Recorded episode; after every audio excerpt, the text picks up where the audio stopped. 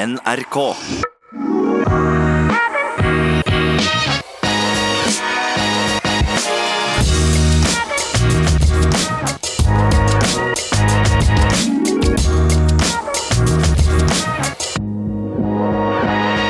En ny uke er unnagjort, og da er det bare å sveive i gang en ny episode av I det lange løp. Mye har skjedd siden sist, og vi har en meget spennende gjest i dag. I verdensmester i triatlon. 73-distansen i fjor, såkalt halv-Ironman, som jeg kalte det i gamle dager. Gustav Iden kommer og forteller hvordan våre beste triatlonutøvere trener. Og det er spennende, ikke minst etter det som har skjedd denne uka der. Men først over til min faste makker. Hvordan er det med deg, Christian Ulriksen, og din fot, helse osv.? Går dette i riktig retning? Her er det solid fremgang, Jan. Heldigvis. Det er, med, det er med værforholdene som det er med min form. Det er jevn stigning. Det er godt, det er godt å høre. Vi må få deg tilbake på, på beina. Er du begynt å mosjonere noe som helst, eller sitter du fortsatt helt i ro? Nei, Vi har ikke begynt å logge på Strava ennå, men vi er ute én til to ganger om dagen. Går oss en lett tur, som regel ned til Frognerparken og ser litt på, på, grusen som de har lagt der. Og ser litt på fine løyper som guttene har løpt i, og så trør vi jo hjem. Vi bor jo ganske urbant og nært her i Oslo, så det er vi, vi, går dit, det kjente territorium. Så hadde jeg en tur til fastlegen her om dagen. Fikk eh, sjekka noe jernnivå. Når jeg kom tilbake fra Kenya, var jo det der S-ferritin-nivået ganske lavt. Da var han faktisk ned på, på 32. Da. Det er jo ingen krise, men det er jo ikke optimalt. Vi har jo vært innom han godeste skiløperen han Petter Northug. Han hjalp oss jo litt på et sånt forum på internett der på Friidrettsforbundet og prata litt før høyden. og Han anbefalte jo over 100 i S-ferritin før man dro til høyden for å få mest mulig, eller best mulig progresjon og fremgang. Så den testen jeg tok nå, da fikk jeg svar på i går, og, og nå hadde jeg 137. Så økning fra 32 til 137, så det var jo kraftig forbedring. Og jeg, jeg har jo ikke gjort annet enn å spise jerntabletter, så det, det funker det òg. Det går selvfølgelig litt saktere enn ja, intravenøs eller andre muligheter, men skal man på sånne program, så må man jo være ordentlig syk. Så, så vi andre vi får spise tabletter og sørge for at jernnivået er ok. Ja, Det høres ut som nivået er godt nok til å luske fram og tilbake til Frognerparken, i hvert fall. Det, det går akkurat, ja. det er bra. Ja, vi får håpe at du kommer i gang på, på sykkelen eller et eller annet snart. Selv har jeg jo prøvd å trene litt, men det har ikke vært den store uka, så jeg må innrømme det. Det var vel Jeg så ikke helt nøye etter, men jeg tenker en sånn sju mil forrige uke. Ja, tre langturer fikk meg en Nei, tre hardøkter fikk meg en litt lengre tempo i går på 18 km. Ellers har det vært mye kort og litt stusslig trening. Men jeg får prøve å ta meg sammen igjen. Fikk iallfall trent noen hardøkter, da. Så det, det, tar litt tid å få denne kroppen i storform, men vi får se om vi rekker det til, til høsten.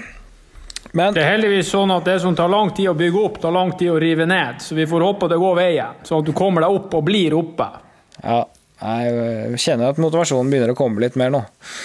Vi har selvsagt, selvsagt hørt med noen som virkelig kan løpe òg, ikke bare med oss eh, supermosjonister og mosjonister. Eh, forrige episode så hadde jo Henrik Ingebrigtsen og Jakob Ingebrigtsen nettopp eh, sesongdebutert på 5 kilometer med 13.28 og 13.32. Noen lurte nok på hvor det ble av Philip Ingebrigtsen. Han traff jeg her om dagen, og da skal vi få en liten rapport om hvordan det går med han i disse dager. I forrige episode så fikk vi se Jakob Ingebrigtsen og Henrik Ingebrigtsen gjøre sesongdebut. Nå har vi lykkes å treffe Philip Ingebrigtsen. Du var ikke med der. Eh, sikkert mange som lurte på hvorfor ikke du løp, men hvordan er det med deg? Det går fint. Jeg, jeg sparer, litt, sparer meg litt, til, litt ut i sesongen, så jeg tenker at Henrik og Jakob kunne, kunne få skinne litt. Så jeg skal ikke dra over der og, og ødelegge det løpet for dem. Det er godt. Hvordan har treningen gått da i, i, i vinter og vår? Um, det har gått veldig bra. Jeg har hatt veldig god kontinuitet. Har fått løpt alle de planlagte kilometerne og kanskje litt til.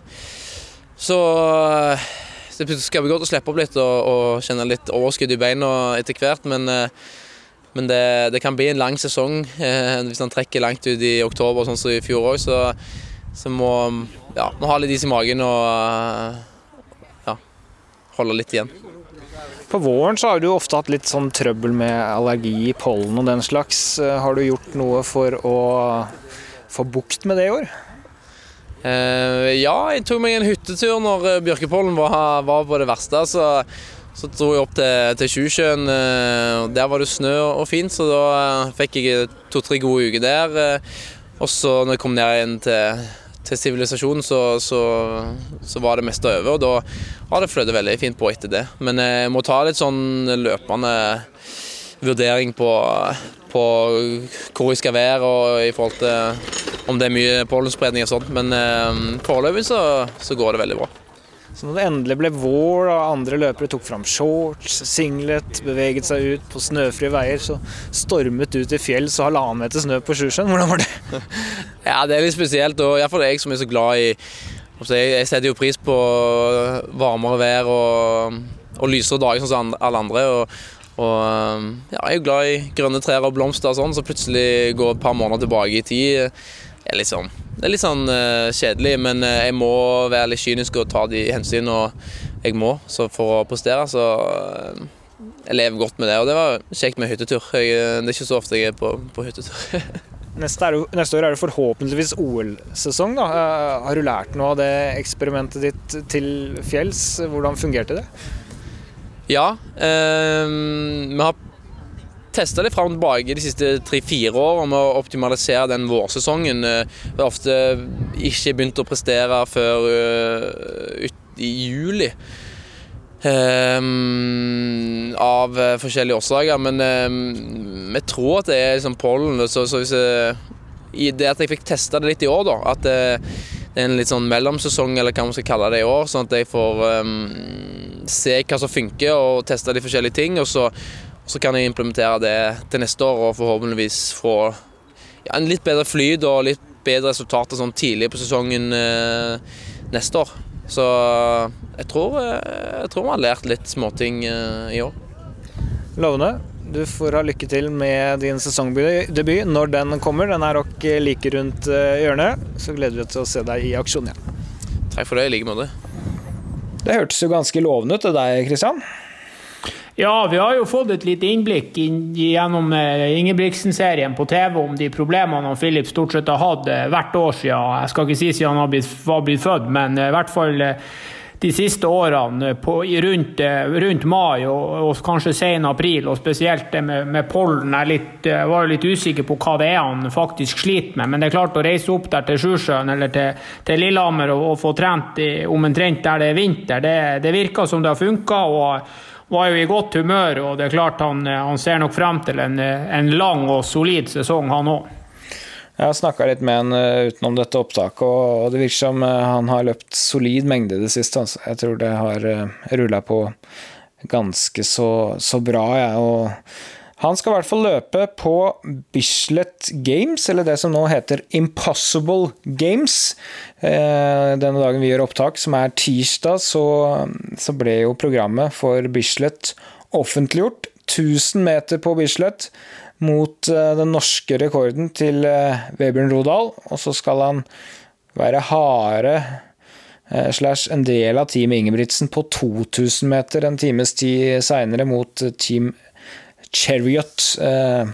Laget til verdensmester Cheriot skal løpe et par dager før nede i, Kenya, sikkert i Nairobi, da, på 1700-1800 meters høyde. Og så skal eh, Team Ingebrigtsen med de tre brødrene Narve Gilli Nordås og Per Svela prøve seg på den eh, tiden på, på Bislett. Men det var ikke den eneste nyheten. Eh, Therese Johaug skal ut og løpe 10 000 meter. Hva tenker du om det?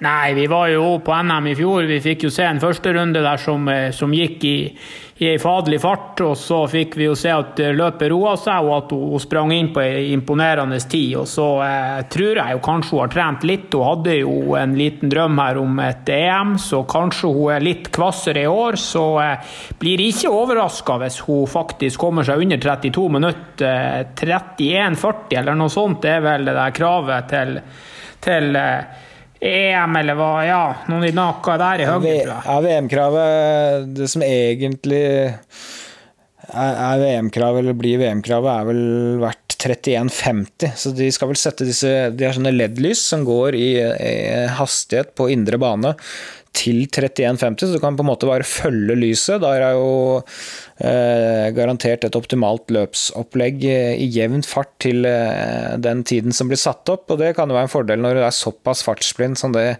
Therese Johaug viste under NM i, i, fjor. Og hun må jo forbedre seg da halvminuttet fra det NM-løpet. Eh, det er jo en del. Det kan kanskje gå. Men samtidig er det ikke usannsynlig. Det kan gå. Therese Johaug er helt helt spesiell idrettsutøver. og Hvis hun har trent litt og gjort litt forarbeid, noe som jeg tror hun har gjort, så, så gir jeg henne en, en ok mulighet. Å springe ned mot 31 blank, som hun godeste Karoline Grøvdal har gjort, for det om det begynner å bli noen år siden, det tror jeg ikke kan gå, men kanskje rett under 32. Hmm. Ellers så var det jo en del vi har hørt om før som skal skje på Bislett. Karsten Warholm skal løpe for uh, bestenotering i verden på 300 meter hekk. Vi skal ha 300 meter hekk for kvinner med Amalie Juel blant annet. Og så dukket det jo opp et kjent navn for oss òg. Sondre Nordstad Moen sto på lista. Skal prøve seg på europarekorden på 25 000 meter bane. En litt uvanlig distanse. Ja, men det er klart, det har ligget litt i kortene at det var noe sånt han eh, ble å gå for. Og så er vi jo eh, Vi har jo fått ei sinnssyk reiserute òg servert fra han. altså Det skulle jo tas en, eh, en taxi her fra Eldoret til Nairobi, og så skulle han ta en buss fra Nairobi da, ned til Mombasa. Og da snakker vi jo nesten 800 km. Så eh, han er ikke kommet til Mombasa enda, og fra Mombasa skal det da gå et fly til Amsterdam, og så fly fra Amsterdam eh, til Norge. da. Så eh, vi får håpe han kommer seg hjem nå, og så eh, blir nok han å springe fort. Vi har jo fått et lite innblikk i treninga der på safarirun, og spesielt den siste langturen der han sprang på ja, den 30 km der han eh, har ned mot 3,10 i snitt der. Det syns jeg både så, så billig og lovende ut. 3.13 i snitt på 30 km, noe av det siste han gjorde på trening før han satte seg i en taxi. Den dagen vi spiller inn i dag, tirsdag, så har han kjørt 300 km i taxi da. Eh, gjennom det han eh, selv på nett betrakta som en del politi- eller sånn eh, grenseoverganger, ikke grenser mellom land, men sånn politisperringer, veisperringer og korrupt politi, eh, mente han. Vi har iallfall vært i kontakt med han i dag. Vi har fått bilde av både sebraer og bavianer og det ene og det andre langs veien der, men han har kommet til et hotell i Nairobi, i hvert fall i kveld, og der gikk mølla opp til 25 km i timen, så da berga han vel en treningsøkt òg. ja, det er ikke snakk om å hvile når det skal reises. Det er bare å finne seg i mølla og så se hva mølla går til. Og så 500 km i en buss i morgen, og så skal det flys til Amsterdam og så hjem. Så hvis han er heldig, så lander han noen timer etter at denne podkasten kommer ut. Så får vi bare se hvordan, eh, hvordan det fungerer. Men uh, Bislett blir spennende på på veldig mange vis. Men det er jo ja. Jeg syns vi skal gi god honnør til arrangøren her. altså han Godeste Steinar Hoen han har gjort uh, utrolige ting i sitt liv som utøver òg. Men det er klart, det å få på plass et uh, Impossible Games, det å få på plass litt norske utøvere som er i god fremgang, og det å være litt kreativ på, på øvelsene, det, det, skal vi hylle. altså. Det har vært lenge uten idrett, både på, på TV og for så, vidt, uh, for så vidt live. Så det her blir, det blir et sårt trengt arrangement. Jeg gleder meg, ja. Selv om det ikke blir tilskuere på Bislett, så skal vi sende to og en halv time på NRK. Så det blir jo bra. Får gjort noe annet i jobb enn bare lage podkast òg. Det kan sikkert være bra, det.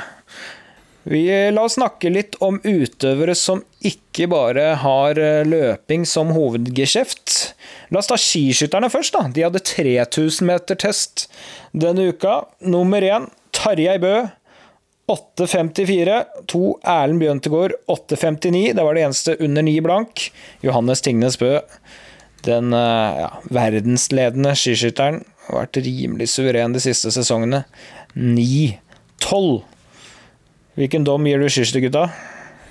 Nei, vi får ta det klassiske sitatet at man blir god på det man trener på. Jeg, jeg har en, en, av mine bedre kompiser, er faktisk gudfaren til, til ungen hans. Han jobber som skiskyttersmører og reiser rundt med de guttene her og, og fikser ski og prepper. og Har vært med dem i, i to-tre år nå. Han eh, gir jo litt rapporter på, på treninga og på hva det, det, handler om. og Det er jo ingen tvil om at, at guttene er på et sinnssykt eh, høyt idrettsnivå. Men de er spesifikt trent for det de skal. De driver og går 2,5 km løype i jeg skulle nesten si inne på festivalområder på, på, på dårlig sne der det serveres øl, og så driver de og skyter. Så det er klart å være god å springe 3000 meter har ikke så veldig mye med den idretten å gjøre. Men at de springer under ni blank, det, det gjør jo folk rett og slett på god kapasitet. Og så vet vi at hvis guttene hadde brukt tre måneder trening, så hadde de nok vært godt under 8,30, dem også.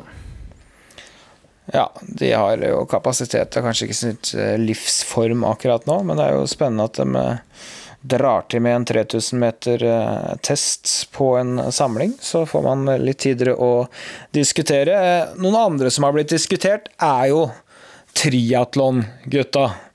De løper jo 8, 11 og 8 ja, var det 8-14? 8-12-8-14 eh, ved Blumenfelt og dagens gjest Gustav Iden på en 3000 meter på trening etter å ha begynt med 5 ganger 1000 og 3 ganger 400. Det var en økt vi snakket om for litt siden. Eh, og så meldte de seg plutselig på 5 km gateløp mot Marius Vedvik. Marius Vedvik som løp 13,29 i fjor. Og det løpet gikk for et par dager siden. Det gikk unna, det. Eh, Blumenfeldt slo Vedvik og klinka inn på 13.51. Gustav Iden litt bak 14.07. Kasper Stornes, en annen triatlonutøver, rett bak der igjen. Hva sier du til det? Nei, vi får vel eh, bare nok en gang konstatere at folk som er i OL, og folk som gjør en sinnssyk jobb år ut og år inn, tilbringer mye av livet i høyden og trener som noen beist, de er de er i god form, de guttene der. Og, og det er klart, nå har det vært stengt, det der eh, Alexander Dale Oen Arena der i Bergen. Så nå har de sikkert nesten ikke svømt her på to måneder. Og, og den kombinasjonen med, med, solid mengde på sykkelen, samtidig som de sikkert har løpt bitte litt mer enn de er vant til, har jo åpenbart eh, gitt det lille ekstra. Og så, og så vet vi også at, at, at guttene slår altså de her Brown League-guttene på som har eh, vunnet OL-gull på, på triatlon i olympisk distanse i London. De har slått dem, og han ene av de der Brown League-guttene han stilte vel opp der på, på Peyton Jordan eller noe sånt et år der på 10 000 meter på bane, og, og tror jeg sprang 28, noen og 40. Så det er klart at, at vi vet jo sånn høvelig hvor det ligger, men det er bestandig godt å få konstatert at nivået er faktisk der man tror. Vi har skaffet oss en korrespondent i Bergen, vi. En kar som heter Magnus Gjerstad. Ikke bare har han eh, jobbet som reporter for oss i dagens episode, han, han løp dette løpet selv på 14.25. Det er nok den uh, sprekeste reporteren vi har hatt i denne podkasten noen gang, eh, Christian. Ja, han er god mann, Magnus. Han var jo av alle syke ting oppe i Kenya sammen med oss. Han bodde ikke på Kerry of View med meg og Sondre og dem, men han bodde på en litt annen camp. og han eh, har jo ambisjoner sjøl om å, å ja, komme seg opp på et eh, høyere nivå enn han har vært på. og Jeg tror kanskje han tok en 20-30 sekunders pers på det løpet her. Så han er jo sjøl i, i, god fremgang, og så er han jo selvfølgelig kompis med de guttene. Og, og intervjua eh, Blommenfelt og, og for så vidt han Iden rett etter at de har sprunget et godt løp, er jo en ja, det, det, kunne jo vært tyngre oppgaver som debutant her eh, på, på, jobb, men eh, han gjorde en god jobb. Han, og eh, Det er bestandig artig å få sånne der umiddelbare reaksjoner etter et løp. Folk er ofte litt høy på adrenalin, litt god selvtillit og ja, i det hele tatt. Så vi får, vi får takke Magnus for en solid jobb. La oss få Magnus Gjerstad på jobb og høre hva Christian Blumenfeld, Blumenfeld sa like etter han hadde levert 13.51 i en middels rask løype. Ja, da er vi direkte inne fra Bergen. Og nå har vi løpt fem kilometer gateløp. Eh, har kommet inn på 13,51. Hva syns du om gjennomføringen? Ja, det var fint, det. Ja. Jeg var og sjekket løypen her for tre dager siden, så var litt sånn slakt opp og ned. Så hadde jo fort det var padde-paddeflatt, men mm. det gikk overraskende fint. Og splittene var egentlig ganske fine. Så det Ja. var det var ganske digg med merke hver 500 meter for å kunne se hvor det lå an. Så det var selvfølgelig gøy å konkurrere igjen. Det Ja. er det andre gang jeg har startnummer på brystet i år, sånn at eh, ja, det var gøy. Og så var det en del folk som var så på òg, så du fikk jo litt den konkurransestemningen, og ikke bare trening, eh, treningsbiten. Ja, det Så det var. var eh, gøy. Hvor ideell tror du den eh, traseen var, da? Eh, Det var brukbart. Ja. Eh, Så jeg tipper liksom vi kunne gjort kanskje optimal løype et par sekunder raskere, selvfølgelig. Vi hadde jo 180 grader sving halvveis, så vi taper et par sekunder der. Men det var nå godt å komme under 13,58, sånn at uh, han der en ikke på langdistanseløp, Facebook-siden, måtte betale ut litt penger. Jeg så Ja, det var- Jeg så det var noen veddemål der inne, så det var, det var godt. Hva du eh, Hva tror du du kan springe da på bane og i felt og full pakke? Sier jeg 13.30, så blir jeg grillet på Facebook. Men, nei, men jeg tror nok jeg kan jo gå, gå selvfølgelig litt raskere med, med litt spesifikk trening. Jeg regner med at uh, hvis du terper litt inn med, med litt sånn uh, trening inn mot 5000, så, så bør du normalt sett gå raskere. Det er vel derfor folk gjør det. Så, så jeg tror jeg kan gå litt raskere. Og så eh, Ja. Men det var, var bra pacing. Uh, Vedvik dro ganske mye og ganske jevnt, sånn at det var uh, ja, fint, fint løp. Jeg trodde det kanskje skulle være litt mer sånn rykk og napp. Det var det var- viktig å slå Vedvik. Uh, nei, det var jo selvfølgelig tøff kamp på slutten der. Men det var viktigere å få en god tid. Sånn at Ja. ja. Ja, for Hva er egentlig grunnen til at du legger inn en fem kilometer i treningen? da? Nei, du, for det er jo ikke noe andre mål i, i livet nå da, med korona. Nei, det er ikke så mange lyspunkter, så vi må jo bare ta de som er.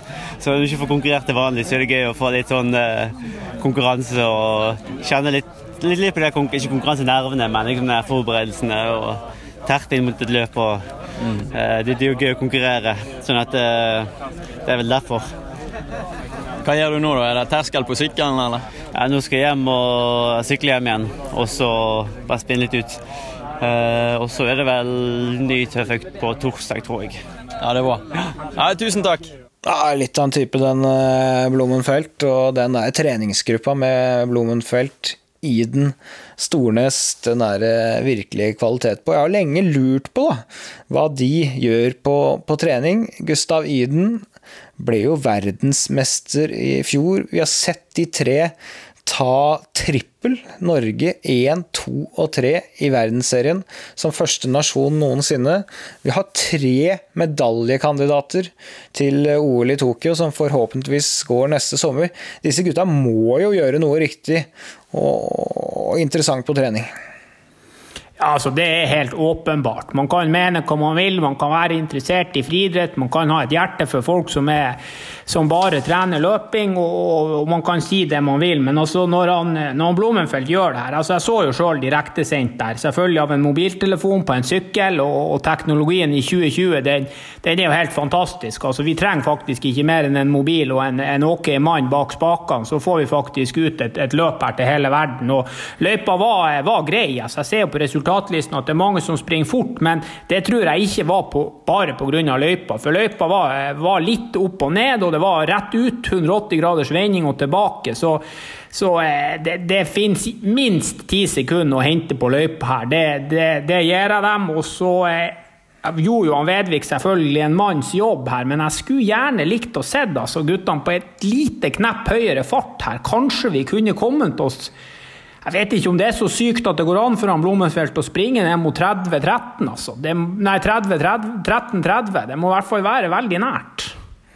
Ja, med maksimal topping av forms og en maksimal løype og felt. Han kan ikke være Han må løpe under 13,40. Jeg kan ikke skjønne noe annet. Uh, og man kan dukke under 13,30. Og jeg ja, det er ikke godt å si, og jeg har sett på trening at uh, Iden, når han er i slag, matcher eh, Blommenfelt Uh, Så det, det, det er rått, altså. Jeg er nysgjerrig på denne Gustav Iden. Første gang jeg møtte han, eller iallfall så han live, var NM i duatlon for mange år siden, da han var ung, lovende. Så allerede da at dette var en kar med usedvanlig talent. Nå er han blitt 24 år. Han er verdensmester. Han trener i et uh, verdensklassemiljø, og dette er gutter som går all in.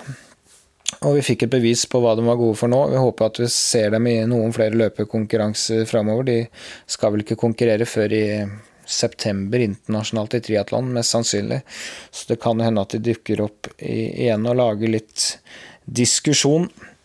Nei, jeg tror bare rett og slett går til min samtale med Gustav Iden, så får vi se om vi blir litt klokere på hva de gjør på trening som er så bra.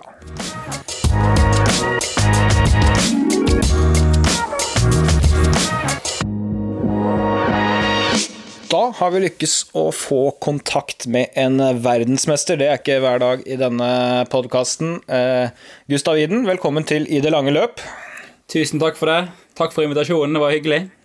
Ja, Det skulle bare mangle. Vi har jo lenge ønsket å høre litt om hvordan eh, dere trener, og det har jo ikke blitt mindre aktuelt den siste uka, for å si det sånn. I går var jo du med og løp denne femkilometeren vi nettopp har eh, snakket om. Du klokket inn på 14.07. Hva tenker du om det? Uh, det er vel en uh en greit tid for de fleste, men jeg var nok litt skuffet. Det må jeg ærlig innrømme. Jeg hadde noe forventet å løpe under 14, så å ikke komme under var litt uh, skuffende. Men ja, som sagt, det er jo en grei tid i det store og hele.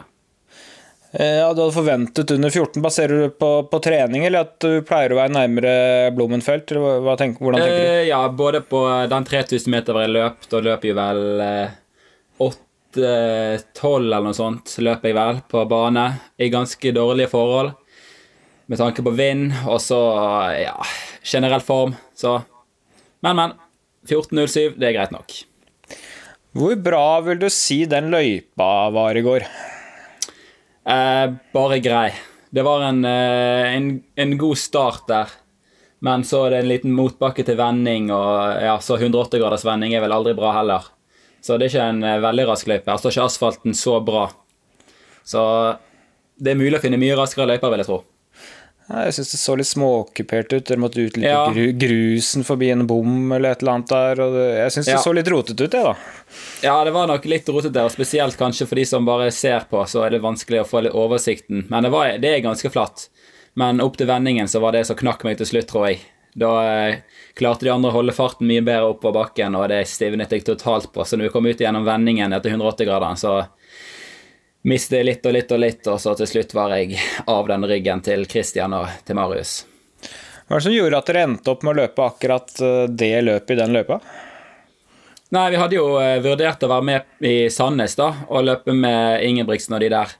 Men eh, så var det jo ganske lang kjøretur ned, og så hadde vi noen andre tester vi skulle gjøre med forbundet for eh, for treningen sin del nå, da. Så eh, det ble bare gneiset løp når det var mye lettere logistisk. Ja, det var eh, en enkel eh, reise, og dere fikk en, fikk en god test. Det blir jo veldig diskusjoner i friidretts- og løpemiljøet da, når dere på dere løpeskoene og løper for, for fullt. Hvor mye følger dere med på det greiene der? Nei, Jeg er vel medlem i noen sånn Facebook-grupper, så jeg ser nok de, de, snakker mye om det. Og så så det var et uh, veddemål på gang på 500 kroner om at vi løp under 13,59 eller ikke. Så heldigvis kom nå Christian seg under, mens vi andre ikke klarte det helt denne gangen. da. Men uh, ja, vi får med oss uh, litt av det. En del er jo overrasket over fort dere løper. Du sier du er litt skuffa. Hva tenker du om det nivået dere holder på løping? jo, vi løper jo nesten like mye som en vanlig løper gjør, da, i tillegg til at vi sykler og svømmer. Så at det er overrasket, det, det skjønner ikke jeg personlig, da. For vi trener jo ekstremt mye mer enn det, og eh, ofte mye mer strukturert og mye mer vitenskapelig. Så ja, vi trener rett og slett bedre enn de fleste løperne i Norge og verden. Så i går fikk dere testa dere mot Marius Vedvik, som hadde 13.29 i fjor. Det må vel vært en, en grei målestokk og, og motiverende å ha han i feltet òg? Ja, så jeg så ham ikke på startlisten en stund der, så var jeg jo litt sånn skuffet da, hvis de måtte holde farten hele veien sjøl. Men heldigvis var han med, da, sånn at han, eh, han bidro faktisk veldig mye i front, så det skal han ha kudos for. Han drar vel i han. Han skal løpe en eh, rask fem kilometer til lørdag i en kanskje enda raskere løype, så da får vi se Ja. litt, litt eh, hvor fort det går. Det, det kan være interessant for dere òg. ja. Jeg håper det går fortest mulig. ja, det, du skal følge med såpass. Og du Ja. håper han gjør 13,40 der, så kan du trekke Ja, litt på tida di. Ja, ja. Da kommer kanskje under 14 sånn teoretisk, da. Men uh, dere trener jo egentlig for å løpe litt lenger enn en, uh, fem kilometer og tre kilometer, da, som vi har sett den testen dere hadde på trening uh, etter en intervalløkt der. Eh, Hvilken distanse tror du egentlig dere er best til å løpe på, eller er det du, da? Eh, hvis jeg bare skal se utenfor treningen min, og eh, hvis jeg bare skal løpe en, eh, et rent løp, så er vel kanskje halvmaraton der jeg eh, kan gjøre det best, tror jeg, da. Men eh, da må jo løpsmuskulaturen òg endres litt, for eh, selv om jeg er sånn fysiologisk trent for å holde rundt en time, 1 time 45 minutter, så er muskulaturen kanskje ikke helt der ennå. Men ja, en halvmaraton, kanskje. Eh, Hva, hva tror du er årsaken til det? Er det måten dere trener på, eller er det andre ting? Eh, ja, det er sånn vi trener på nå. Så nå har vi jo eh, En triatlon varer jo, hvis det er sprint, rundt 55 minutter, 50 minutter til en olympisk på 1 time 45. Så det er jo den, den tidsintervallet vi trener mest på, da. Å holde rundt ja, den tiden. Du er jo, ble, eller ble verdensmester i fjor i, i jeg, jeg er jo så på gammeldags at jeg sier halv-Ironman, men det heter vel Ironman 73 nå i, i Nis i, i Frankrike. Ehm, hvordan var den opplevelsen der? Eh, jo, det var jo ganske rått, da. Og, eh, og jeg vil si knuse Alistair på løpingen der. Det var nok ikke mange som hadde trodd det utenom eh, meg sjøl og mine nærmeste. Så det å overraske på den måten var jo ekstremt kult. Alistair Brownlee, eh, en av to brødre fra Storbritannia som har vært med å dominere triatlonsporten. Jeg, jeg husker jo jeg kommenterte OL i 2012 med din trener Arild Tveiten, faktisk. Og da var Ja. jeg vel på pallen begge, begge to, og du dukka opp igjen fire år seinere òg. Så det, det var kvalitet å bare å løpe fra, fra de eh, gutta der. Hadde du forventa å, å vinne det? Det er jo en distanse vi ikke har sett deg på så ofte, i hvert fall. Eh, jeg hadde vel ikke forventet å vinne, nei, men jeg hadde jo forventet å gjøre det ekstremt bra. For det er jo eh, Ja, vi er godt trente, og det var en løype som passet meg eh, bra. Og jeg har bare kjørt eh, to halvdistanser tidligere, da. Og da har jeg første og andreplass.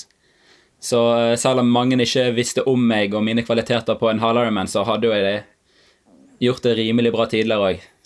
Men det å vinne er jo VM er jo litt ekstra. Ja, Så trener du jo sammen med en som har satt verdensrekord på distansen, Blommenfelt, så dere Ja. hadde vel en viss aning om at det der kunne, kunne gå fort. Er det stor forskjell for deg å gå fra en olympisk konkurranse til, å, til eh, en halv Ironman? Eh, det er litt forskjell, det er det. Men den løypen i NIS er kanskje en av de løypene som hadde minst forskjell, pga. syklingen var både kupert og ganske teknisk, så du fikk en eh, på en måte en todelt sykling der første del var eh, egentlig 100% motbakke, og siste del var 100% nedoverbakke. Så eh, den ble litt mer oppdelt enn en standard 70,3-distanse, der du bare kjører på din egen eh, watt og har en konstant fart gjennom hele løpet. Så ble VM eh, i fjor litt mer eh, varierende tempo, og på den måten litt mer likt en olympisk triatlon. Akkurat. Eh, Det er jo ikke noe tvil om at det er OL i Tokyo som nå forhåpentligvis går neste år, som er ditt eh, store mål, men i og med at vi snakker om Ironman, tenker du på å gjøre en full på et eller annet tidspunkt òg? Eh, ja, så hadde jeg faktisk planer om å kjøre Hawaii i år, da. Nå ble jo alle planene helt endret pga. koronasituasjonen. Men som vinner av halv Ironman i fjor, så har jeg faktisk en plass til hel Ironman-VM i år. Og eneste jeg hadde måttet gjøre da, det var å fullføre en Ironman uten noe plasseringsmål eller noe sånt. Det bare handler om å fullføre, så har du en plass til, til VM på Hawaii.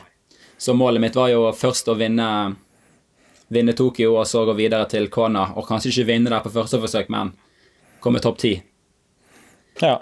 Men nå er jo alle planene helt endret, så. Ja, det passer kanskje ikke så bra inn i en OL-oppkjøring å gjøre, gjøre to eh, Ironman. Og eh, Ironman eh, på Hawaii er òg utsatt til februar, sånn at det gjør det passer det enda verre. Ja, det ble litt tyngre opplegg. Så det har jeg sagt helt fra meg nå, da. Så den, den drømmen gikk litt i dass, men ja. Det betyr at du har, har tenkt tanken og ikke er fremmed for å gjøre det en eller annen gang i framtiden. Du er jo bare 24 år, er ikke det? Jo. Så jeg har nå grei tid for meg. Ja.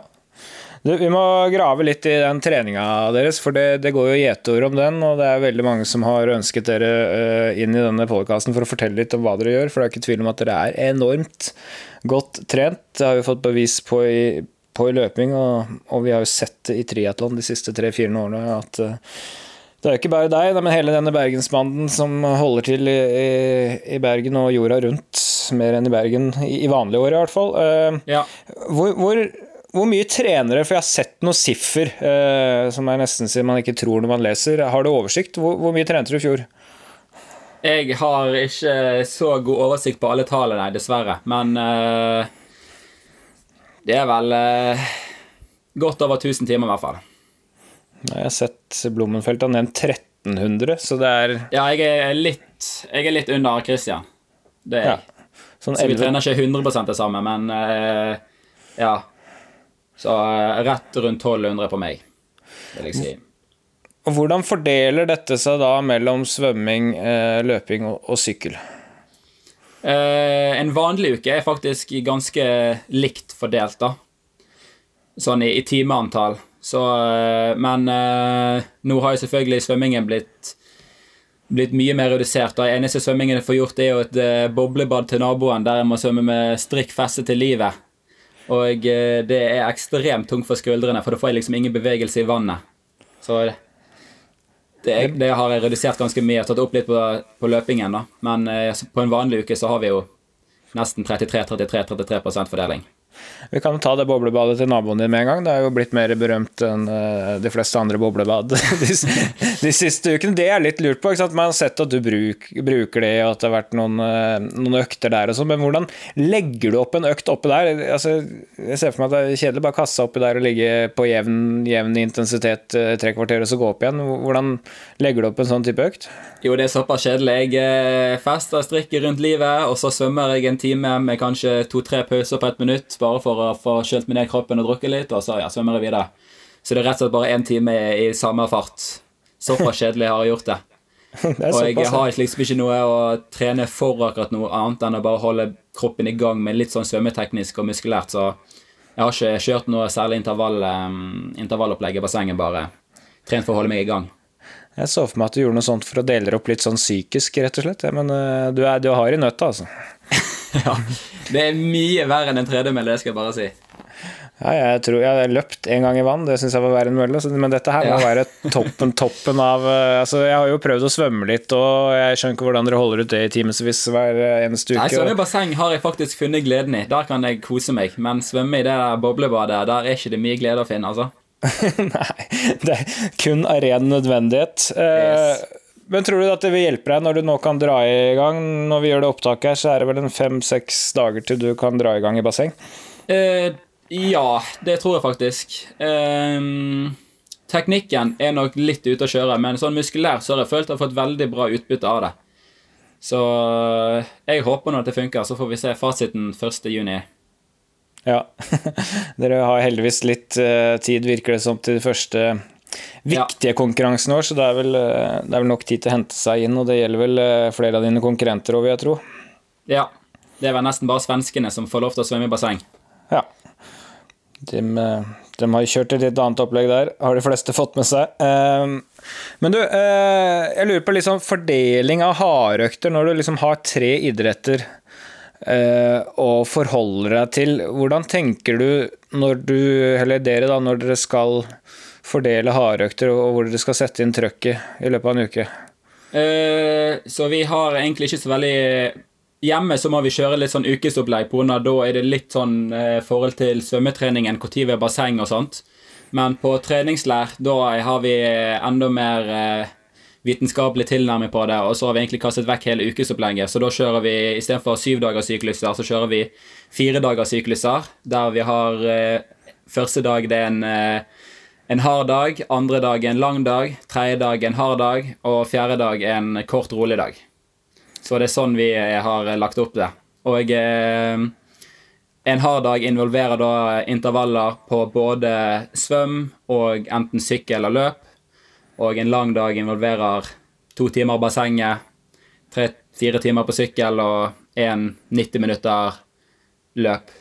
Og så en hard dag igjen kan være intervaller på sykkel, løp og svøm. Og så en rolig dag er sånn ja, to-tre timer valgfri trening. Så det er egentlig sånn vi, sånn vi trener på treningsleir, og det er sånn vi føler det vi har optimalisert det ganske bra. da. Så det betyr at dere annenhver dag har uh, dobbel hardøkt, uh, men Ja. dere beve varierer bevegelsesformen? Ja, så det er jo en fordel med å være triatlet òg, at vi har jo eh, flere idretter vi kan trene på og få utbytte av.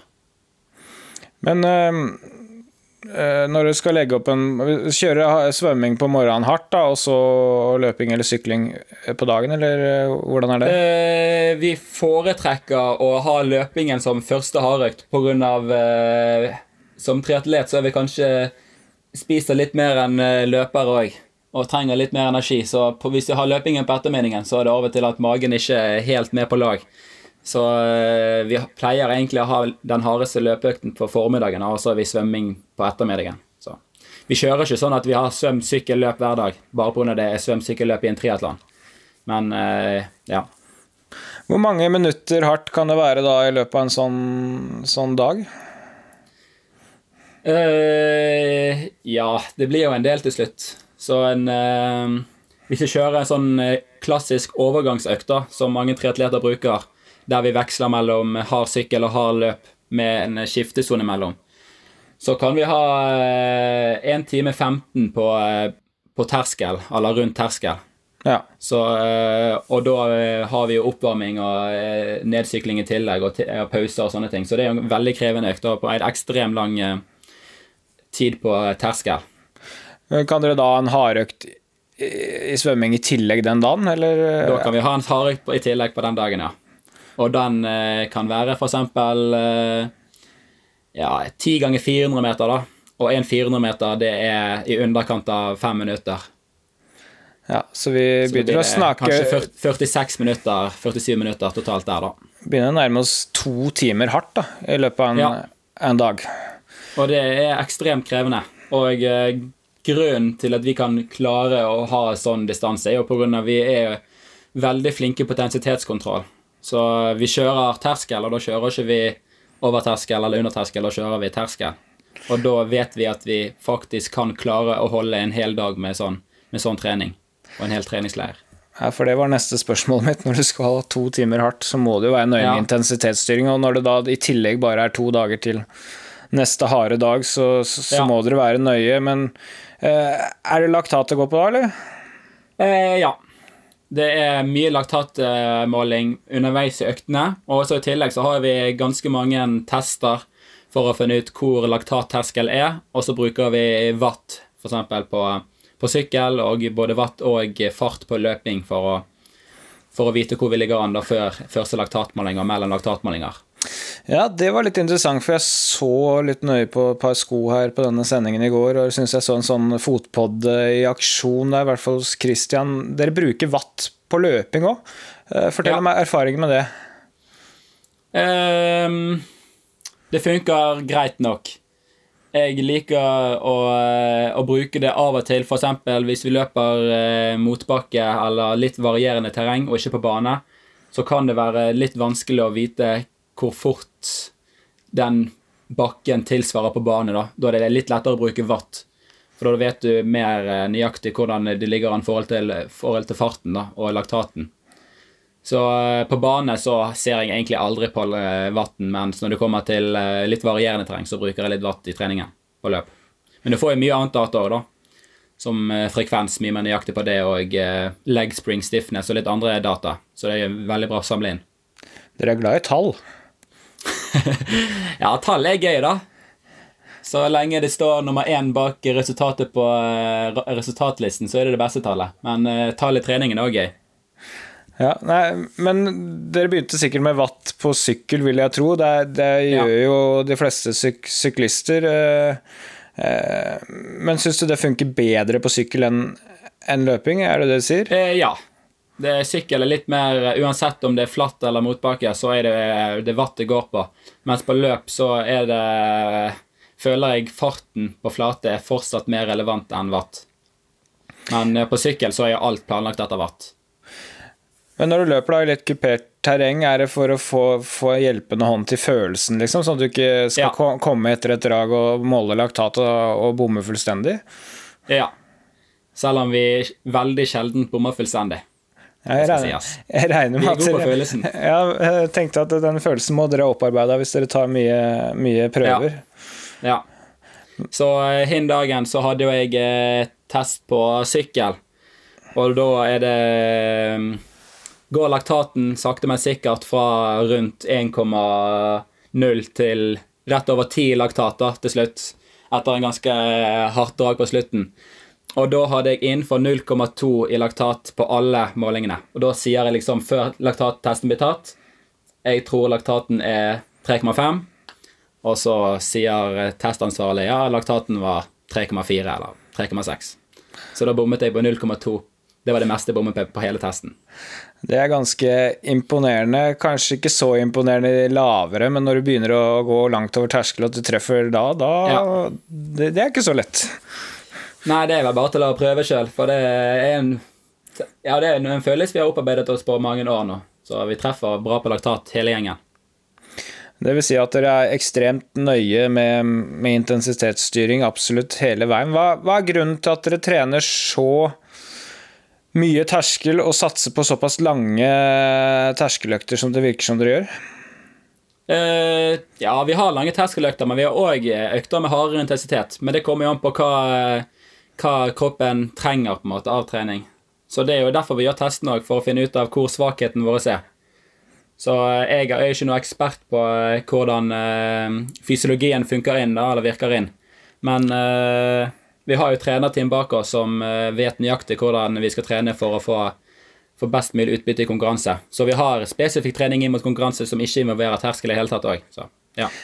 Men la meg spørre på en annen måte, da. Hva, hva syns du lange terskeløkter gir deg fysisk? Eh, de gir jo ekstremt bra eh, muskulær utbytte, da, for det første. For du får jo en veldig, veldig lang arbeidstid på en fart som er tilnærmet konkurransefart. Det er ikke så mange prosent ned, da. Så du får jo den, eh, en ekstrem muskulær belastning på så å si riktig teknikk. Og så eh, i tillegg så får du den fysiologiske effekten òg med, med å brygge opp kapasiteten din. Så ja. Det er jo flere ting som spiller inn. Hvordan kjenner du deg etter en dag hvor du har hatt oppi to timer med i, i tre og hardere? Eh, sulten på karbohydrater. Det, så det går mye, ikke i junkfood, men det, det spises en del smågodt og Morten-produkter i hele pakken. Så eh, ja, sulten på karbohydrater er det første jeg kjenner. Og så er det det muskulære òg, at det er digg å legge seg ned på kvelden og bare chille maks. Og så, la oss si at vi går til dag to i den bolken, da, som er sånn lang dag. Det er jo en dag til å bli sulten av det, holdt jeg på å si. Eh, for det, da skulle du innom samtlige grener, og, Ja. og sykkelturen var lang, og svømmingen opp borti to timer, sa du? Ja. Eh, og eh, da går vi etter prinsippet og eh, trener planen om du tror du klarer å gjøre intervall dagen etterpå som planlagt. Så hvis du eh, føler deg liksom sterk på den lange dagen, da, og så trener du alt, alt du skal, men så kommer du på intervalldagen etterpå og ikke klarer å gjennomføre, da blir du sett ned på av gruppen. ja. Det er intern handler justis. Ja, så eh, vi går etter prinsippet å være klar for de harde øktene, og så trene så mye du kan mellom eh, på de rolige øktene. Men det der må jo være en litt sånn utfordring for en gruppe, og det er jo ikke sikkert alle tåler en sånn mengdedag eh, helt likt og, med lik intensitet. Kjørte, kjører dere alt sammen i samme fart, eller kjører dere individuelt? Eh, Ja, Det er det som er fordelen med sykling da, forhold til løping. at Hvis du legger deg bak på en sykkel, så sparer du ekstremt mye. Så da kan du være med en gjeng, selv om førstemann i gruppen trener litt hardere enn deg. Så det er jo en greit på sykkel, i hvert fall. Også på løp så får vi heller bare dele opp i mindre grupper. Og så på svøm så svømmer jo alle sitt eget program uansett, eller sin egen fart. Så, Ja, ok. ja. Så da, så det er ganske greit med å være triatlet. Som løpere så liksom Hvis du bare er litt dårligere og skal henge med i en gruppe, så blir det fort en helt annen trening enn eh, det de andre får. Mens på sykkel så er det litt mer muligheter for å samle folk på forskjellig nivå. Men dere er bevisst eksempel på løpinga der dere kan dele opp i forskjellige grupper hvis noen føler seg piggere enn andre osv.? Ja, ja. Vi, eh, vi har ikke noe behov for å trene sammen. Det er mer på de harde øktene vi drar nytte av det, mens på de rolige øktene så er det mer for praten sin del. Men hvis vi er på samme hvis vi er på treningsleir fire uker i strekk sammen, så er det ikke akkurat eh, at praten går i hele tiden uansett. Så det er ofte litt digg å komme seg ut på egen hånd. Men, men det som virker litt unikt, er at i, i toppen i, i Triatlon-Norge um, virker dere å ha eh, være veldig samlet om en filosofi da, i et landslag. Som, det kan være litt annerledes fra Løpe-Norge, for der er det litt forskjellige filosofier og veldig mange miljøer ute og går, og ikke sånn, sånn sterkt landslag. Hvis de er på samling eh, sammen et sted, så, så trener alle etter forskjellige programmer ut fra hvilken gruppe de er. Eh, Hva tenker du rundt, eh, rundt det miljøet dere har, sånn sett?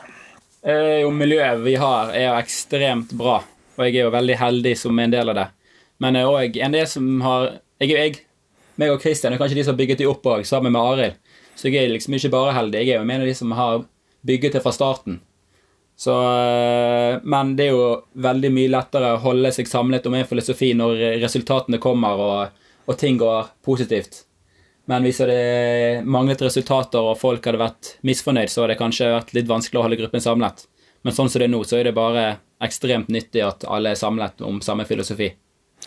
I den gruppen også eh, Kasper Stornes, da, som eh, Ja. vant i Bermuda, Bermuda var det vel, for noen år siden, når dere fylte hele pallen der. Så dere er jo i hvert fall tre vinnerkandidater da, på øverste nivå. Eh, Det er jo en del fordeler selvfølgelig med å, med å trene sammen med så høyt nivå, men eh, du trener jo sammen med noen av dine argeste konkurrenter og vet hvordan de ligger an hele tida. Hvordan, hvordan er det når man har et sterkt konkurranseinstinkt? Eh, Foreløpig har det gått veldig bra. Så eh, før var det en veldig sånn eh, sterk hierarki, på en måte. Da var det Christian, og så var det meg, og så var det Kasper. Og det var liksom veldig klart skille da, på hvem som hadde bestemt under treningen, og hvem som hadde liksom førsterett på å si hva, hvordan vi skulle trene og sånt. Men etter at eh, Kasper vant Bermuda, og eh, jeg plutselig vant andre ting, så er det liksom det hierarkiet har forsvunnet litt. da. Så vi er mer eh, tre likeverdige kandidater.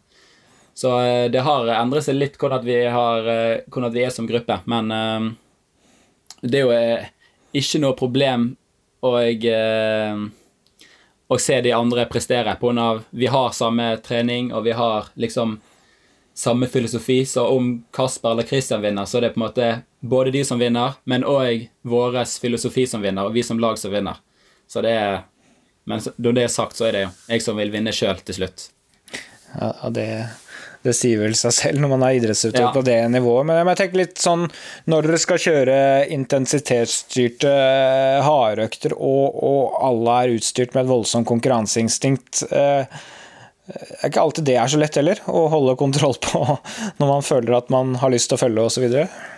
Eh, jo, for akkurat den biten så synes jeg faktisk det går ganske greit. På grunn av vår filosofi er at du vinner treningen om du får mest utbytte av treningen. Og du får mest utbytte av treningen om du gjør det riktig. Så eh, om du f.eks. kommer inn og du får en laktatmåling som er langt over det du skal ha, så blir du sett ned på. Da, liksom, da har du tapt treningen. Og da hjelper det ikke om du løper fortere enn de andre, for da er liksom Ja, det er ikke noe kult. Så det er ikke den som løper fortest på trening, som eh, på en måte vinner, sånn som i andre grupper, kanskje. Det er den som får mest utbytte av det. Hagler dere med litt meldinger og sånn da, eller hvordan er eh, internjustisen på det? Ja, vi har eh, ganske grei internjustis, så vi liker å bruke se ned på-metoden for å bestemme hvem som vinner. Og folk blir sett ned på om de gjør noe feil på trening. Da er du en idiot. ok, Så det gjør man bare én gang i uka? Ja. Men når det er sagt, det er lov å leke seg av og til, altså. Men da er det heller sagt ifra i treningsprogrammet at det er lov å slippe seg fri på slutten. Men som oftest så har vi veldig veldig kontroll på, på intensitet. Og om du gjør noe feil, da, eh, da får du høre det. Men så har du andre økter da, hvor det skal gå fort, og det skal være hardt. Ja. Og da får man jo trigga dette konkurranseinstinktet. Jeg så f.eks. på YouTube hos Blummenfelt, Blommenfelt, som har en YouTube-kanal der. Han er jo veldig åpen. Ja, han Prøver å slå seg opp som vlogger. Ja, han gjør det. Han er influenser eh, on, on the way. Eh, Ja. Men eh, det var en økt der hvor dere kjører en sånn kombinasjonsøkt, eh, sykler i motbakke, og så rett ut på banen etter en liten skiftesone der, og, og smekker på der. Der tar jo du siste draget. Det ja, siste, ja, det er viktig. siste dra, draget egentlig før denne femkilometeren. Ja. Tida di sto jo aldri hos hans, han skrev opp sin egen, men du må ha gjort rundt 2.35 på siste Ja, det var 235 akkurat. Ja, Bra observert. Ja, jeg syns jeg så det var ganske klar avstand der. Ja. Men, men, men der eh, får dere vel fullt utbytte av eh, konkurranseinstinktet, at dere er flere og at dere Ja. klarer å pushe hverandre. Kan du forklare litt Ja. rundt det? Uh, ja, men det, det er faktisk ikke så veldig ofte vi gjør akkurat den type trening. da. Nå var det litt pga. vi skulle løpe den 5000-meteren, så det var greit å trigge litt fart. Men akkurat uh, maks siste 1000-opplegg, det er veldig sjelden vi gjør. Men når vi først gjør det, så eh, pleier jeg å ta den på når jeg har litt høyere toppfart enn både Christian og Kasper. Så akkurat, akkurat den er jeg ganske selvsikker på. Så da kan jeg kose meg når det står i treningsprogrammet, for da vet jeg at min sjanse for å ta den er ganske stor. Så da var du på topp helt til den femkilometeren, og så Ja, så tok Christian meg der, som det sang etter. Ja, sånn kan det, sånn kan det gå. Uh, Ja. Hvor mye har, har dette treningsopplegget deres utviklet seg eh, ja, siden du, du slo gjennom for noen år siden? Altså, eh, det virker som dere har liksom eh, ledet hverandre litt fram på et vis? At dere har kommet fram til et system? Det- har det vært sånn hele veien? Uh, ja, det har vært rimelig likt hele veien. Men uh, i, i starten så var det enda mer ren terskeltrening det gikk på. Og da var det ikke så mye annet enn det. Det var kanskje litt sånn eh, race pace inn mot konkurranser, men da var det nesten 100% terskel utenom på svøm, som var litt over. Eh, og så før eh, OL i Rio, da, i, ja, i slutten av 2015, så fikk vi inn en annen en òg, som heter Olav Alexander Bu. Som da eh, er litt mer på det fysiologiske. Ikke bare som trener, men liksom mer eh, ja, faktisk fysiologi, da. Og eh, etter han kom inn, så har vi endret litt treningsmetoden mot eh, det som eh, er Ja, inn mot mer tester, da. Sånn at vi vet faktisk hva kroppen trenger, og hva, som, hva trening vi må gjøre for å bli enda bedre. Sånn at vi ikke bare gjetter på at terskel er bra for å bli best, men vi ser eh, Vi tar tester periodevis og ser hva som funker, og hva som ikke funker. Og så det som funker, tar vi videre, og det som ikke funker, det skrinlegger vi og beveger oss videre fra. Dette testregimet er litt interessant når dere har tre idretter og, skal eh, gjennomføre tester jevnlig. Det, det må jo bli en god del testing. Hvordan er det å legge det inn i et treningsopplegg? Det er mange som syns sånne tester er litt sånn forstyrrende på vis, hvis det blir for mange av dem. Hva tenker du? Eh, ja. På en måte så tar det litt tid med en test, men på en annen side så får det ganske bra både treningsutbytte av testen, og hvis du klarer å bruke resultatene riktig, så er jo det veldig bra, da, om du klarer å utnytte det. Men du skal jo egentlig ha veldig mye kunnskap for å klare å ta en test videre. Og så skal du ha ekstremt mye kunnskap og kontroll på hva du faktisk trente, for å vite hva som funker. Men som vi bruker testene, så har vi eh, en vanlig fredag, lørdag, søndag med, med sykkel på fredag, svømmetest på lørdag og så løpstest på, på søndagen. Og én test tar eh, rundt to og en halv time. Så eh, det er en intensiv helg, men vi får veldig mye bra data ut av det. Hvor ofte gjør dere sånne helger da? I konkurransesesongen så eh, er det sjelden at vi klarer å få inn en eneste en, men da har vi kanskje litt mer sånn småtester underveis bare for, eh, for å sjekke hvordan ting ligger an. Men um, i vintertreningsperioden så prøver vi å ha ja, én kanskje hver femte, sjette uke. Ja. Da får dere litt eh, klare svar på, på utvikling og, og hva dere trenger. Ja. Stoler du bare blindt på fysiologene da, holdt jeg på å si? Eller hvor stor, hvor, hvor stor eierskap har dere selv til å styre trening? Eller stoler du på fagpersonell hele veien? Og jeg stoler jo veldig veldig mye på trenerne mine, og det har jeg bevist seg at uh, de kan jo sakene sine, for vi har jo prestert. Men uh, vi har veldig mye vi skulle sagt innenfor treningen vår, og vi har veldig stor påvirkning, så om vi sier at vi trenger noe, så uh, lytter de, og så som ofte så forteller de hvorfor vi tar feil, og så prøver liksom å informere oss på at vi har riktig. Men av og til så kommer de og sier at det var et godt forslag, og så skal vi prøve å implementere det i vår trening. Men uh, de, de, kan jo mer trening enn oss utøvere som oftest, så de forteller oss bare at vi tar feil, og så beveger vi oss videre. Men noen diskusjoner blir det? Ja da. Så på treningsleir så har vi egentlig møter hver eneste dag der vi diskuterer treningen videre. Og det kan ta fra 30 minutter til 90 minutter der vi bare diskuterer trening og hvordan vi skal gjøre ting videre. Hmm.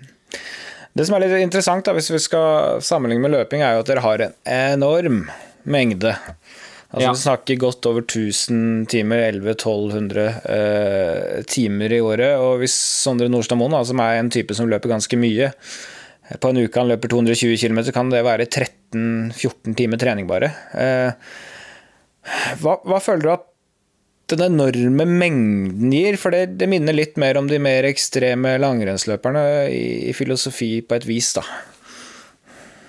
Eh jo, for det første så har vi tre idretter, og det er vanskelig å bli god som svømmer hvis du ikke har nok timer i bassenget. Og det er vanskelig å bli god eh, løper om du ikke løper nok òg.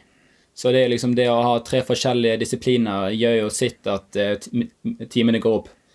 Men eh, om jeg hadde vært en ren løper, så eh, hadde jeg nok trent mer løping enn Eller mer timeantall i uken enn det fleste løperne hadde gjort òg, tror jeg. Ja, for det var, det var, oppfølgingsspørsmålet mitt, for nå begynner vi ja. å komme inn på eh, et scenario jeg har lurt litt på. For først, hvor, hvor mange kilometer løper du i snitt i, uka? Ja, nå ligger jeg vel på rundt 100 eh, km. Så det, ja. Det er jo ja, på, på, linje med en eh, litt sånn halvivrig supermosjonist. Rundt 100 ja. km i uka. Og som bare driver med det, da, ikke alt det andre dere, dere driver med. Og så har man jo sett at, at uh, mange av de store toppløperne gjennom historien, hvis vi skal si det helt grovt, da, ligger på mellom 150 og 200 km i timen i snitt i uka over et år. da. Ja. Eh, veldig mange i, i sjiktet der. Og da lurer jeg på, uh, hvis du kan være med på et sånn, uh, eksperiment her Hvis du skulle kasta triatlon av gårde nå, og skulle satse løping fra i morgen, og, og med den bakgrunnen din treningsfilosofi og din uh, tro, tro på trening, hvordan ville du trent da? Jeg ville nok fortsatt syklet en del for å ha belastningen oppe. Men jeg ville òg eh, løpt en eh, del mer enn det jeg gjør nå. Så har jeg noen uker der jeg har løpt 160 km, og jeg føler i hvert fall jeg tåler det veldig bra. Så jeg tror nok det er nok første nivået jeg har dro på, og holdt meg igjen på 160. Da tror ikke jeg hadde risikert så mye skader.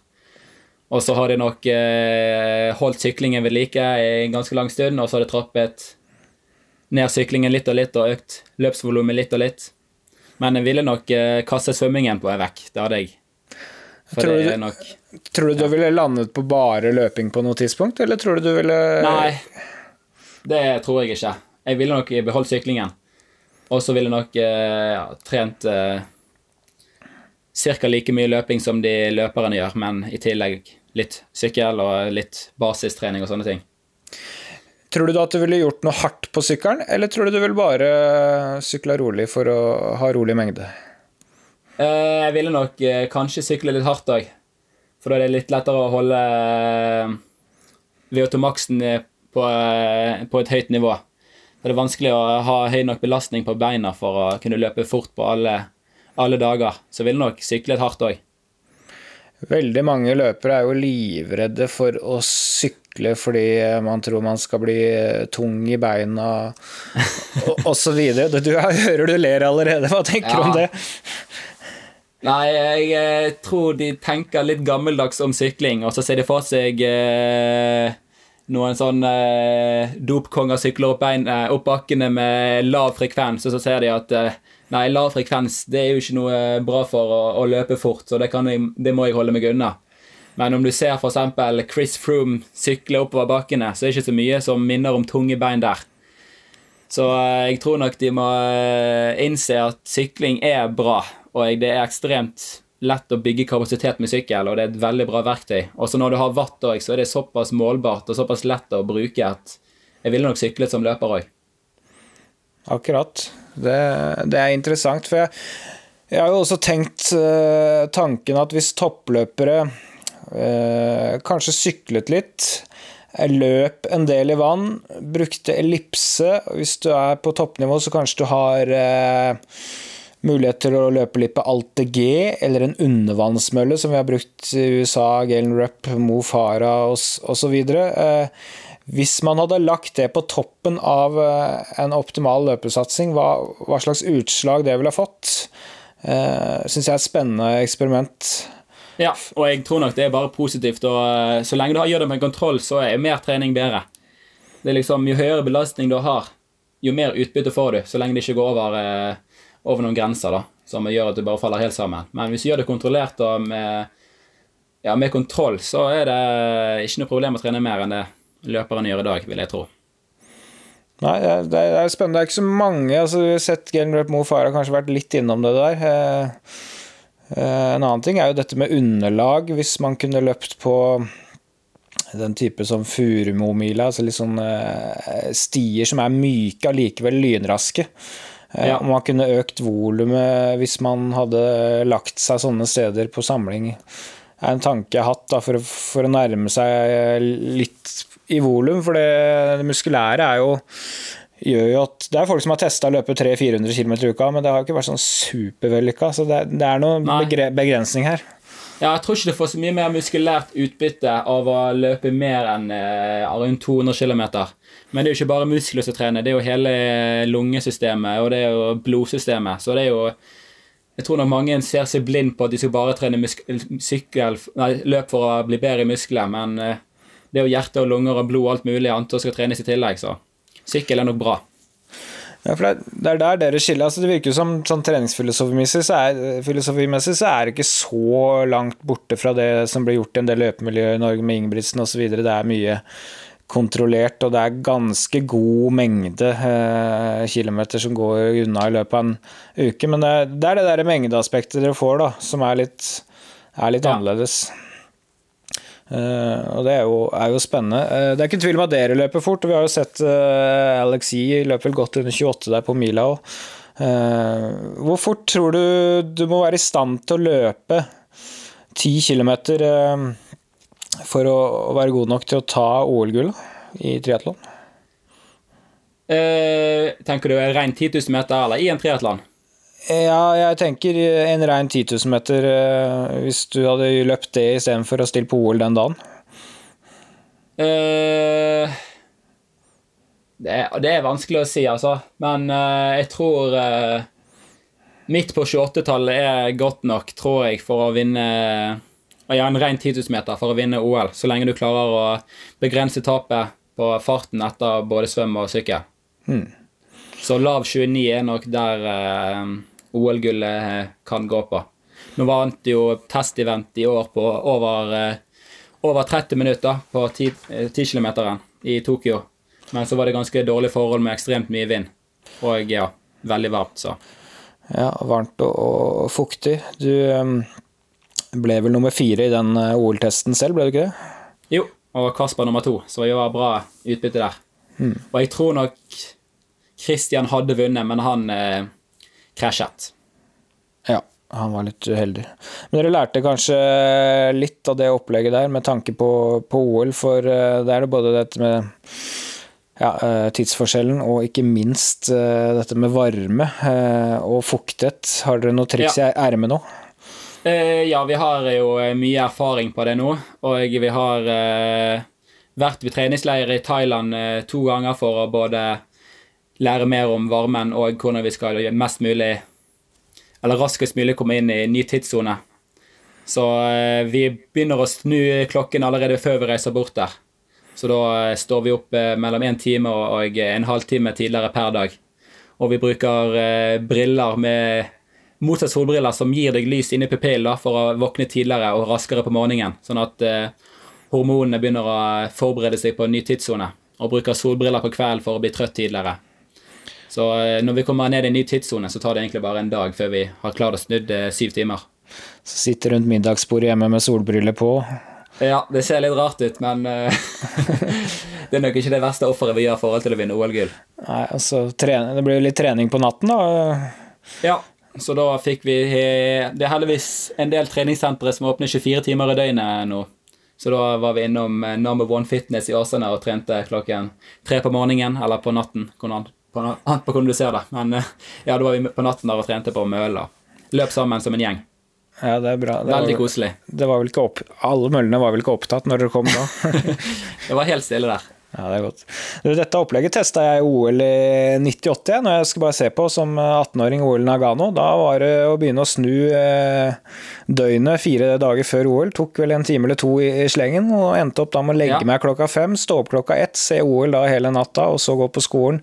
Eh, trene litt, eh, og så var det bare å komme seg i seng, seng igjen. Altså, det, det funka i Norge, det. Altså, det, det, der, Ja. det er bare å kjøre på. Ja. Men du, vi må, vi må høre litt om denne capsen når du ble verdensmester. Det er mulig, er mulig du er lei av å snakke om den, men du var altså på treningsleir i Japan. Plukka etter det jeg forsto, en tilfeldig caps opp fra gata. Brukte den under VM, og så startet moroa. Eh, ja, det er en, en veldig bra oppsummering. Det er fra starten. Så vi var bare på Vi var oppe ved foten av Mount Fuji og skulle ha en liten løpeøkt der. Og så så jeg bare en caps som jeg syntes var litt fet, så jeg bare tok han. Uh, og så Grunnen til at jeg brukte den under VM, var egentlig ren praktiske årsaker. Det er av at jeg puttet solbrille og energigelene mine oppi den i skiftesonen. Så istedenfor å lete etter forskjellige ting oppi denne posen da i, i skiftesonen mellom sykkel til løp, så tok jeg bare én gjenstand og så løp videre, og så begynte jeg å sortere mens jeg, mens jeg løp. da, Så sparte jeg kanskje nesten ti sekunder på det. Så det var egentlig det som var hovedgrunnen da, Ja, at jeg brukte capsen. Akkurat. Og så etterpå så så jeg bare at eh, jeg har fått veldig mange kommentarer på Instagrammen min på eh, folk fra Taiwan, der de forklarte meg eh, hva capsen hva det så betydde. da. Så det viste seg at capsen var fra et eh, tempel i Taiwan. og plutselig begynte følgerne når jeg renne inn, så jeg var på eh, ja, 15-16% av følgerne mine var på et punkt eh, fra Taiwan. Så ble jeg invitert over der, da. Ja. Og så takket jeg først nei pga. Uh, det passer litt dårlig inn med treningen. og sånne ting Så jeg hadde egentlig ikke så veldig lyst til å reise bort der bare for å være der litt. Grann. Men så eh, sa de bare Nei da, vi betaler business class billetter til deg, og du får penger for å stille, og jeg, eh, det kommer til å bli sykt opplegg, og da kunne jeg ikke takke nei. Så da reiste jeg bort der med, med manageren min, da, og så besøkte vi tempelet, der det var eh, ja, 2000-3000 folk som sto utenfor da og skulle ta selfier og autografer og alt mulig. Så heldigvis hadde jeg tre bodyguards rundt meg hele tiden som passet på meg, for ellers hadde jeg stått der eh, flere timer og signert, da. Mens de bare sa nei, nå er tiden ute, nå stikker vi. Så da brøytet de seg vekk mellom folkemengden og inn i, inn i bilen som kjørte rundt. Så jeg hadde jeg har hatt et tidspunkt i livet mitt har jeg faktisk trengt bodyguards. Så det er litt eh, spesielt å kunne si. Trenger ikke det Bergen, altså? Nei, foreløpig har ikke oppmerksomheten vært like ekstrem her, men eh, kanskje det kommer en dag. Ja, ta, ta et par OL-gull nå, så kan det Ja. bli, bli kok når han kommer Flesland òg. Eh, mulig må leie inn bodyguards fra ta Taiwan, men da har du iallfall fått opplevd å være superstar. da. En ting som Ja. slår, slår meg, folk som eh, blir verdensmester i ting, de, de pleier jo ikke sånn velge sånn helt tilfeldige capser når de skal være med i VM osv. De, er jo gjerne gjennomsponsa herfra. Ja, det var, det var litt derfor jeg brukte capsen òg, for det var liksom en eh, Ja, en liten uh, fuck you til alle de sponsorene. Eller ikke fuck you, men litt mer sånn eh, Det var litt mer sånn at de andre utøverne de var så låst nede. Og det var liksom, De kunne ikke si noe spesielt på intervjuer. De kunne liksom ikke gjøre noe spesielt pga. Uh, alle sponsorene fulgte med på alt de gjorde. Men så kommer jeg uh, med min Åsane sykkelklubb eh, klubbdrakt eh, og en tilfeldig caps. Og jeg eh, på min egen kjøpte landeveissykkel og, og vinner. Så det var på en måte litt for å vise fingeren til det å si du trenger ikke være sponset for å vinne VM, du kan gjøre det på egen hånd. Men nå har selvfølgelig sponsorene kommet nå, så nå er jeg i akkurat samme posisjon som de andre var for et år siden. ja, det var akkurat, akkurat det jeg skulle fram til. eh, At eh, det der må jo endre seg. Altså, det virker jo helt utrolig at på en egen kjøpt landeveissykkel, når de andre har gjennomsponsa temposykler, at du skal vinne VM. Men eh, fikk du ikke noe sponsor gjennom det Taiwan-opplegget òg? Jo da, så nå har jeg signert med Giant. Så nå har jeg full leveranse av både temposykler og landeveissykler. Og, ja. Så jeg er veldig veldig fornøyd med, med hvordan ting ble da. Ja, Hva har det betydd økonomisk med denne capsen slash VM-gullet? Jeg vet ikke hva som betydde mest, ja, men uh, å vinne Det var VM-gullet med caps VM-gullet som betydde mest, da. Men eh, Jo da, Giant er jo fra Taiwan, så det har jo på en måte hjulpet litt. Så eh, Og eh, sånn økonomisk så har jo jeg ikke følt på at jeg har måttet konkurrere i år for for å tjene inn penger, da, for å, eh, ja, for å kunne leve, liksom. Så det gir litt mer ro i sjelen at eh, sponsorene kan eh, hive litt penger på bordet, sånn at jeg slipper å stresse med konkurranser. Hvor har du gjort av capsen? Uh, capsen forsvant rett etter målgang. Da var det noen fra Jeg tror det var noen fra arrangørene som tok den. Nei, Ironman som selskap er eid av et kinesisk aksjeselskap. Så jeg tipper de var litt redd for at eh, det var noe kinesisk politisk propaganda som sto på han. Så den forsvant rett etter målgang. Jeg fikk ikke bruke den på premiepall. Det var flaks det ikke var det, for du ante vel ikke hva som sto der? Nei, jeg kan dessverre ikke kinesisk. Nei, du fikk noe greie på det etter hvert. Det er jo en he Ja. helt vill historie, det der. Eh, Men da er du blitt big in Taiwan, eh, takket være en caps og selvfølgelig VM-tittelen i kombinasjon. Men det, det, det har jo, ting har jo blitt bedre etter det. Slipper å kjøpe syklene dine selv. Det, er, eh, Ja. det, det høres eh, bra ut. Eh, Litt avslutningsvis her, det har jo blitt en veldig spesiell sesong. Dere hadde jo ikke tenkt å løpe små gateløp i i bergensområdet akkurat nå. Hva slags sesong ser du for deg per nå? Jeg håper å komme meg på en treningsleir snart. Det er jo bra å trene her i Bergen, men det er litt annerledes å trene på leir sammen hele tiden. Jeg, eh, så det er egentlig det jeg savner mest akkurat nå. Det er litt den treningsleirfølelsen. Og så er det første konkurranse satt opp til jeg tror 8. september i Hamburg. Og om den blir gjennomført, så er det uten noe OL-poeng eller VM-poeng, men med premiepenger. Så det kan være at, eh, at den blir, da. Og om det blir, så blir det den første på en god stund. Tre og en halv måned til, da. Ja, så eh, Det er langt vekke på horisonten, men foreløpig er motivasjonen på topp. og Det er ikke noe problem å trene uten noe mål i nærmeste i sikte. Og vi har jo OL neste år som er mm, klart. Så hadde det kanskje vært litt verre om det ikke hadde vært noe sesong neste år heller, og liksom vært litt mer usikker på hva som skjer.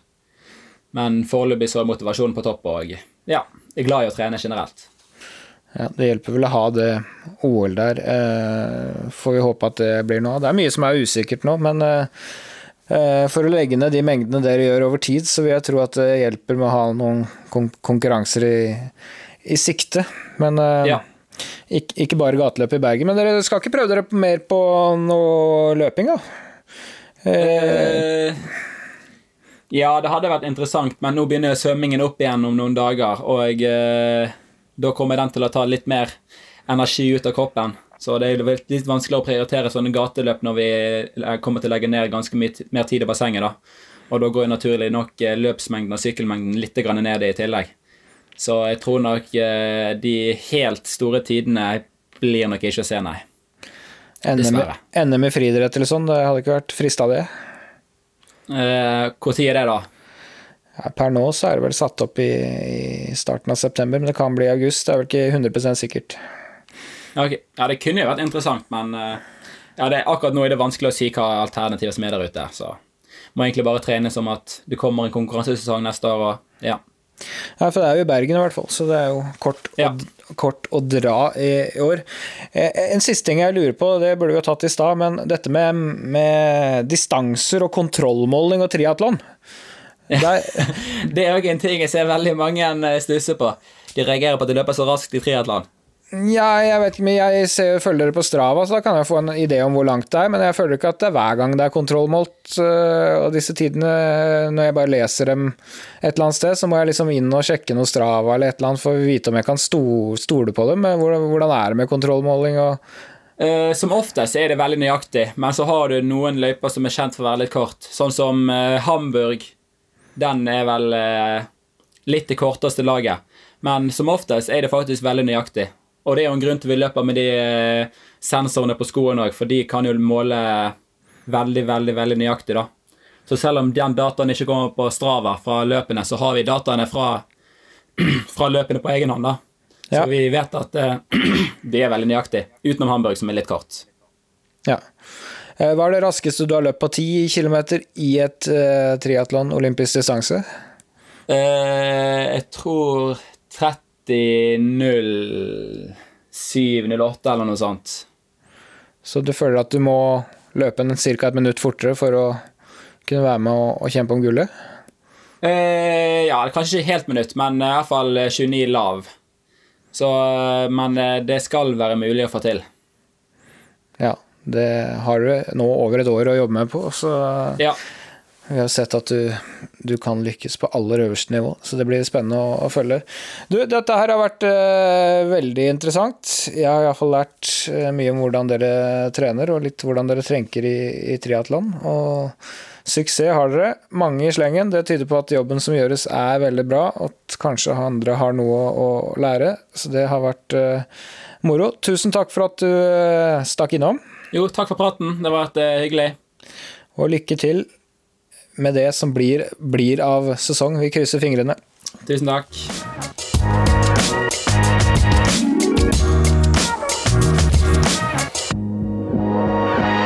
Det var eh, Gustav Iden, det. Og det er jo til å forstå at eh, de blir ganske gode når du trener godt over 1000 timer i året. Og hvis du tåler det, Kristian, da er du nødt til å bli brukbar. Ja, det var vel en svensk legende der som sa at skulle du bli god i idrett, så måtte du ha ti år med 1000 timer for å få 10 000. Og så var det å se hva man tålte og hvor man var hen etter det. Men eh, guttene trener bra, og det er jo fantastisk å, å se at, at de får fremgang. Og det er klart, nå ble OL utsatt et, et år. Kanskje kan vi ha tre mann på start der til neste år. Det er mye som er mulig. altså. Til og med at man kommer fra lille Norge, så kan man hevde seg. og Triatlon er også en ufattelig idrett. Vi snakker jo om store land her som, som USA og, og mange av de store europeiske nasjonene som har masse utøvere. Så det, det er jo ikke, det er ikke lilleputt idrett heller. Så vi skal, ha, vi skal ha stor respekt for det de får til. Det hadde vært gøy med en norsk olympisk mester i triatlon. Det hadde gitt den idretten et ytterligere oppsving i, i Norge, ikke minst oppmerksomhetsmessig. For jeg syns jo, med tanke på hva disse gutta her har prestert, så, så kunne de kanskje fått enda mer oppmerksomhet. Og når Gustav Iden forteller at han, eh, han blir verdensmester på en, en landeveissykkel han har kjøpt selv, mens de fleste andre gutta hadde eh, selvfølgelig sponsa temposykler, så, så skjønner vi at eh, det ikke kanskje har vært så lett. Men eh, de har gått all in, og de har lykkes. Og de er i rute til å få til noe virkelig stort i Japan neste år. Det var alt vi hadde denne gangen. Så får vi se hva neste uke bringer. Det er bare å glede seg. Tusen takk for at du lyttet. Gå inn på Instagram, følg oss på I det lange løp der. Der dukker opp mye interessant. Tror vi kan finne på noe ganske interessant denne helgen også der, så få følge litt med. Takk for at du lyttet nok en gang. Vi høres.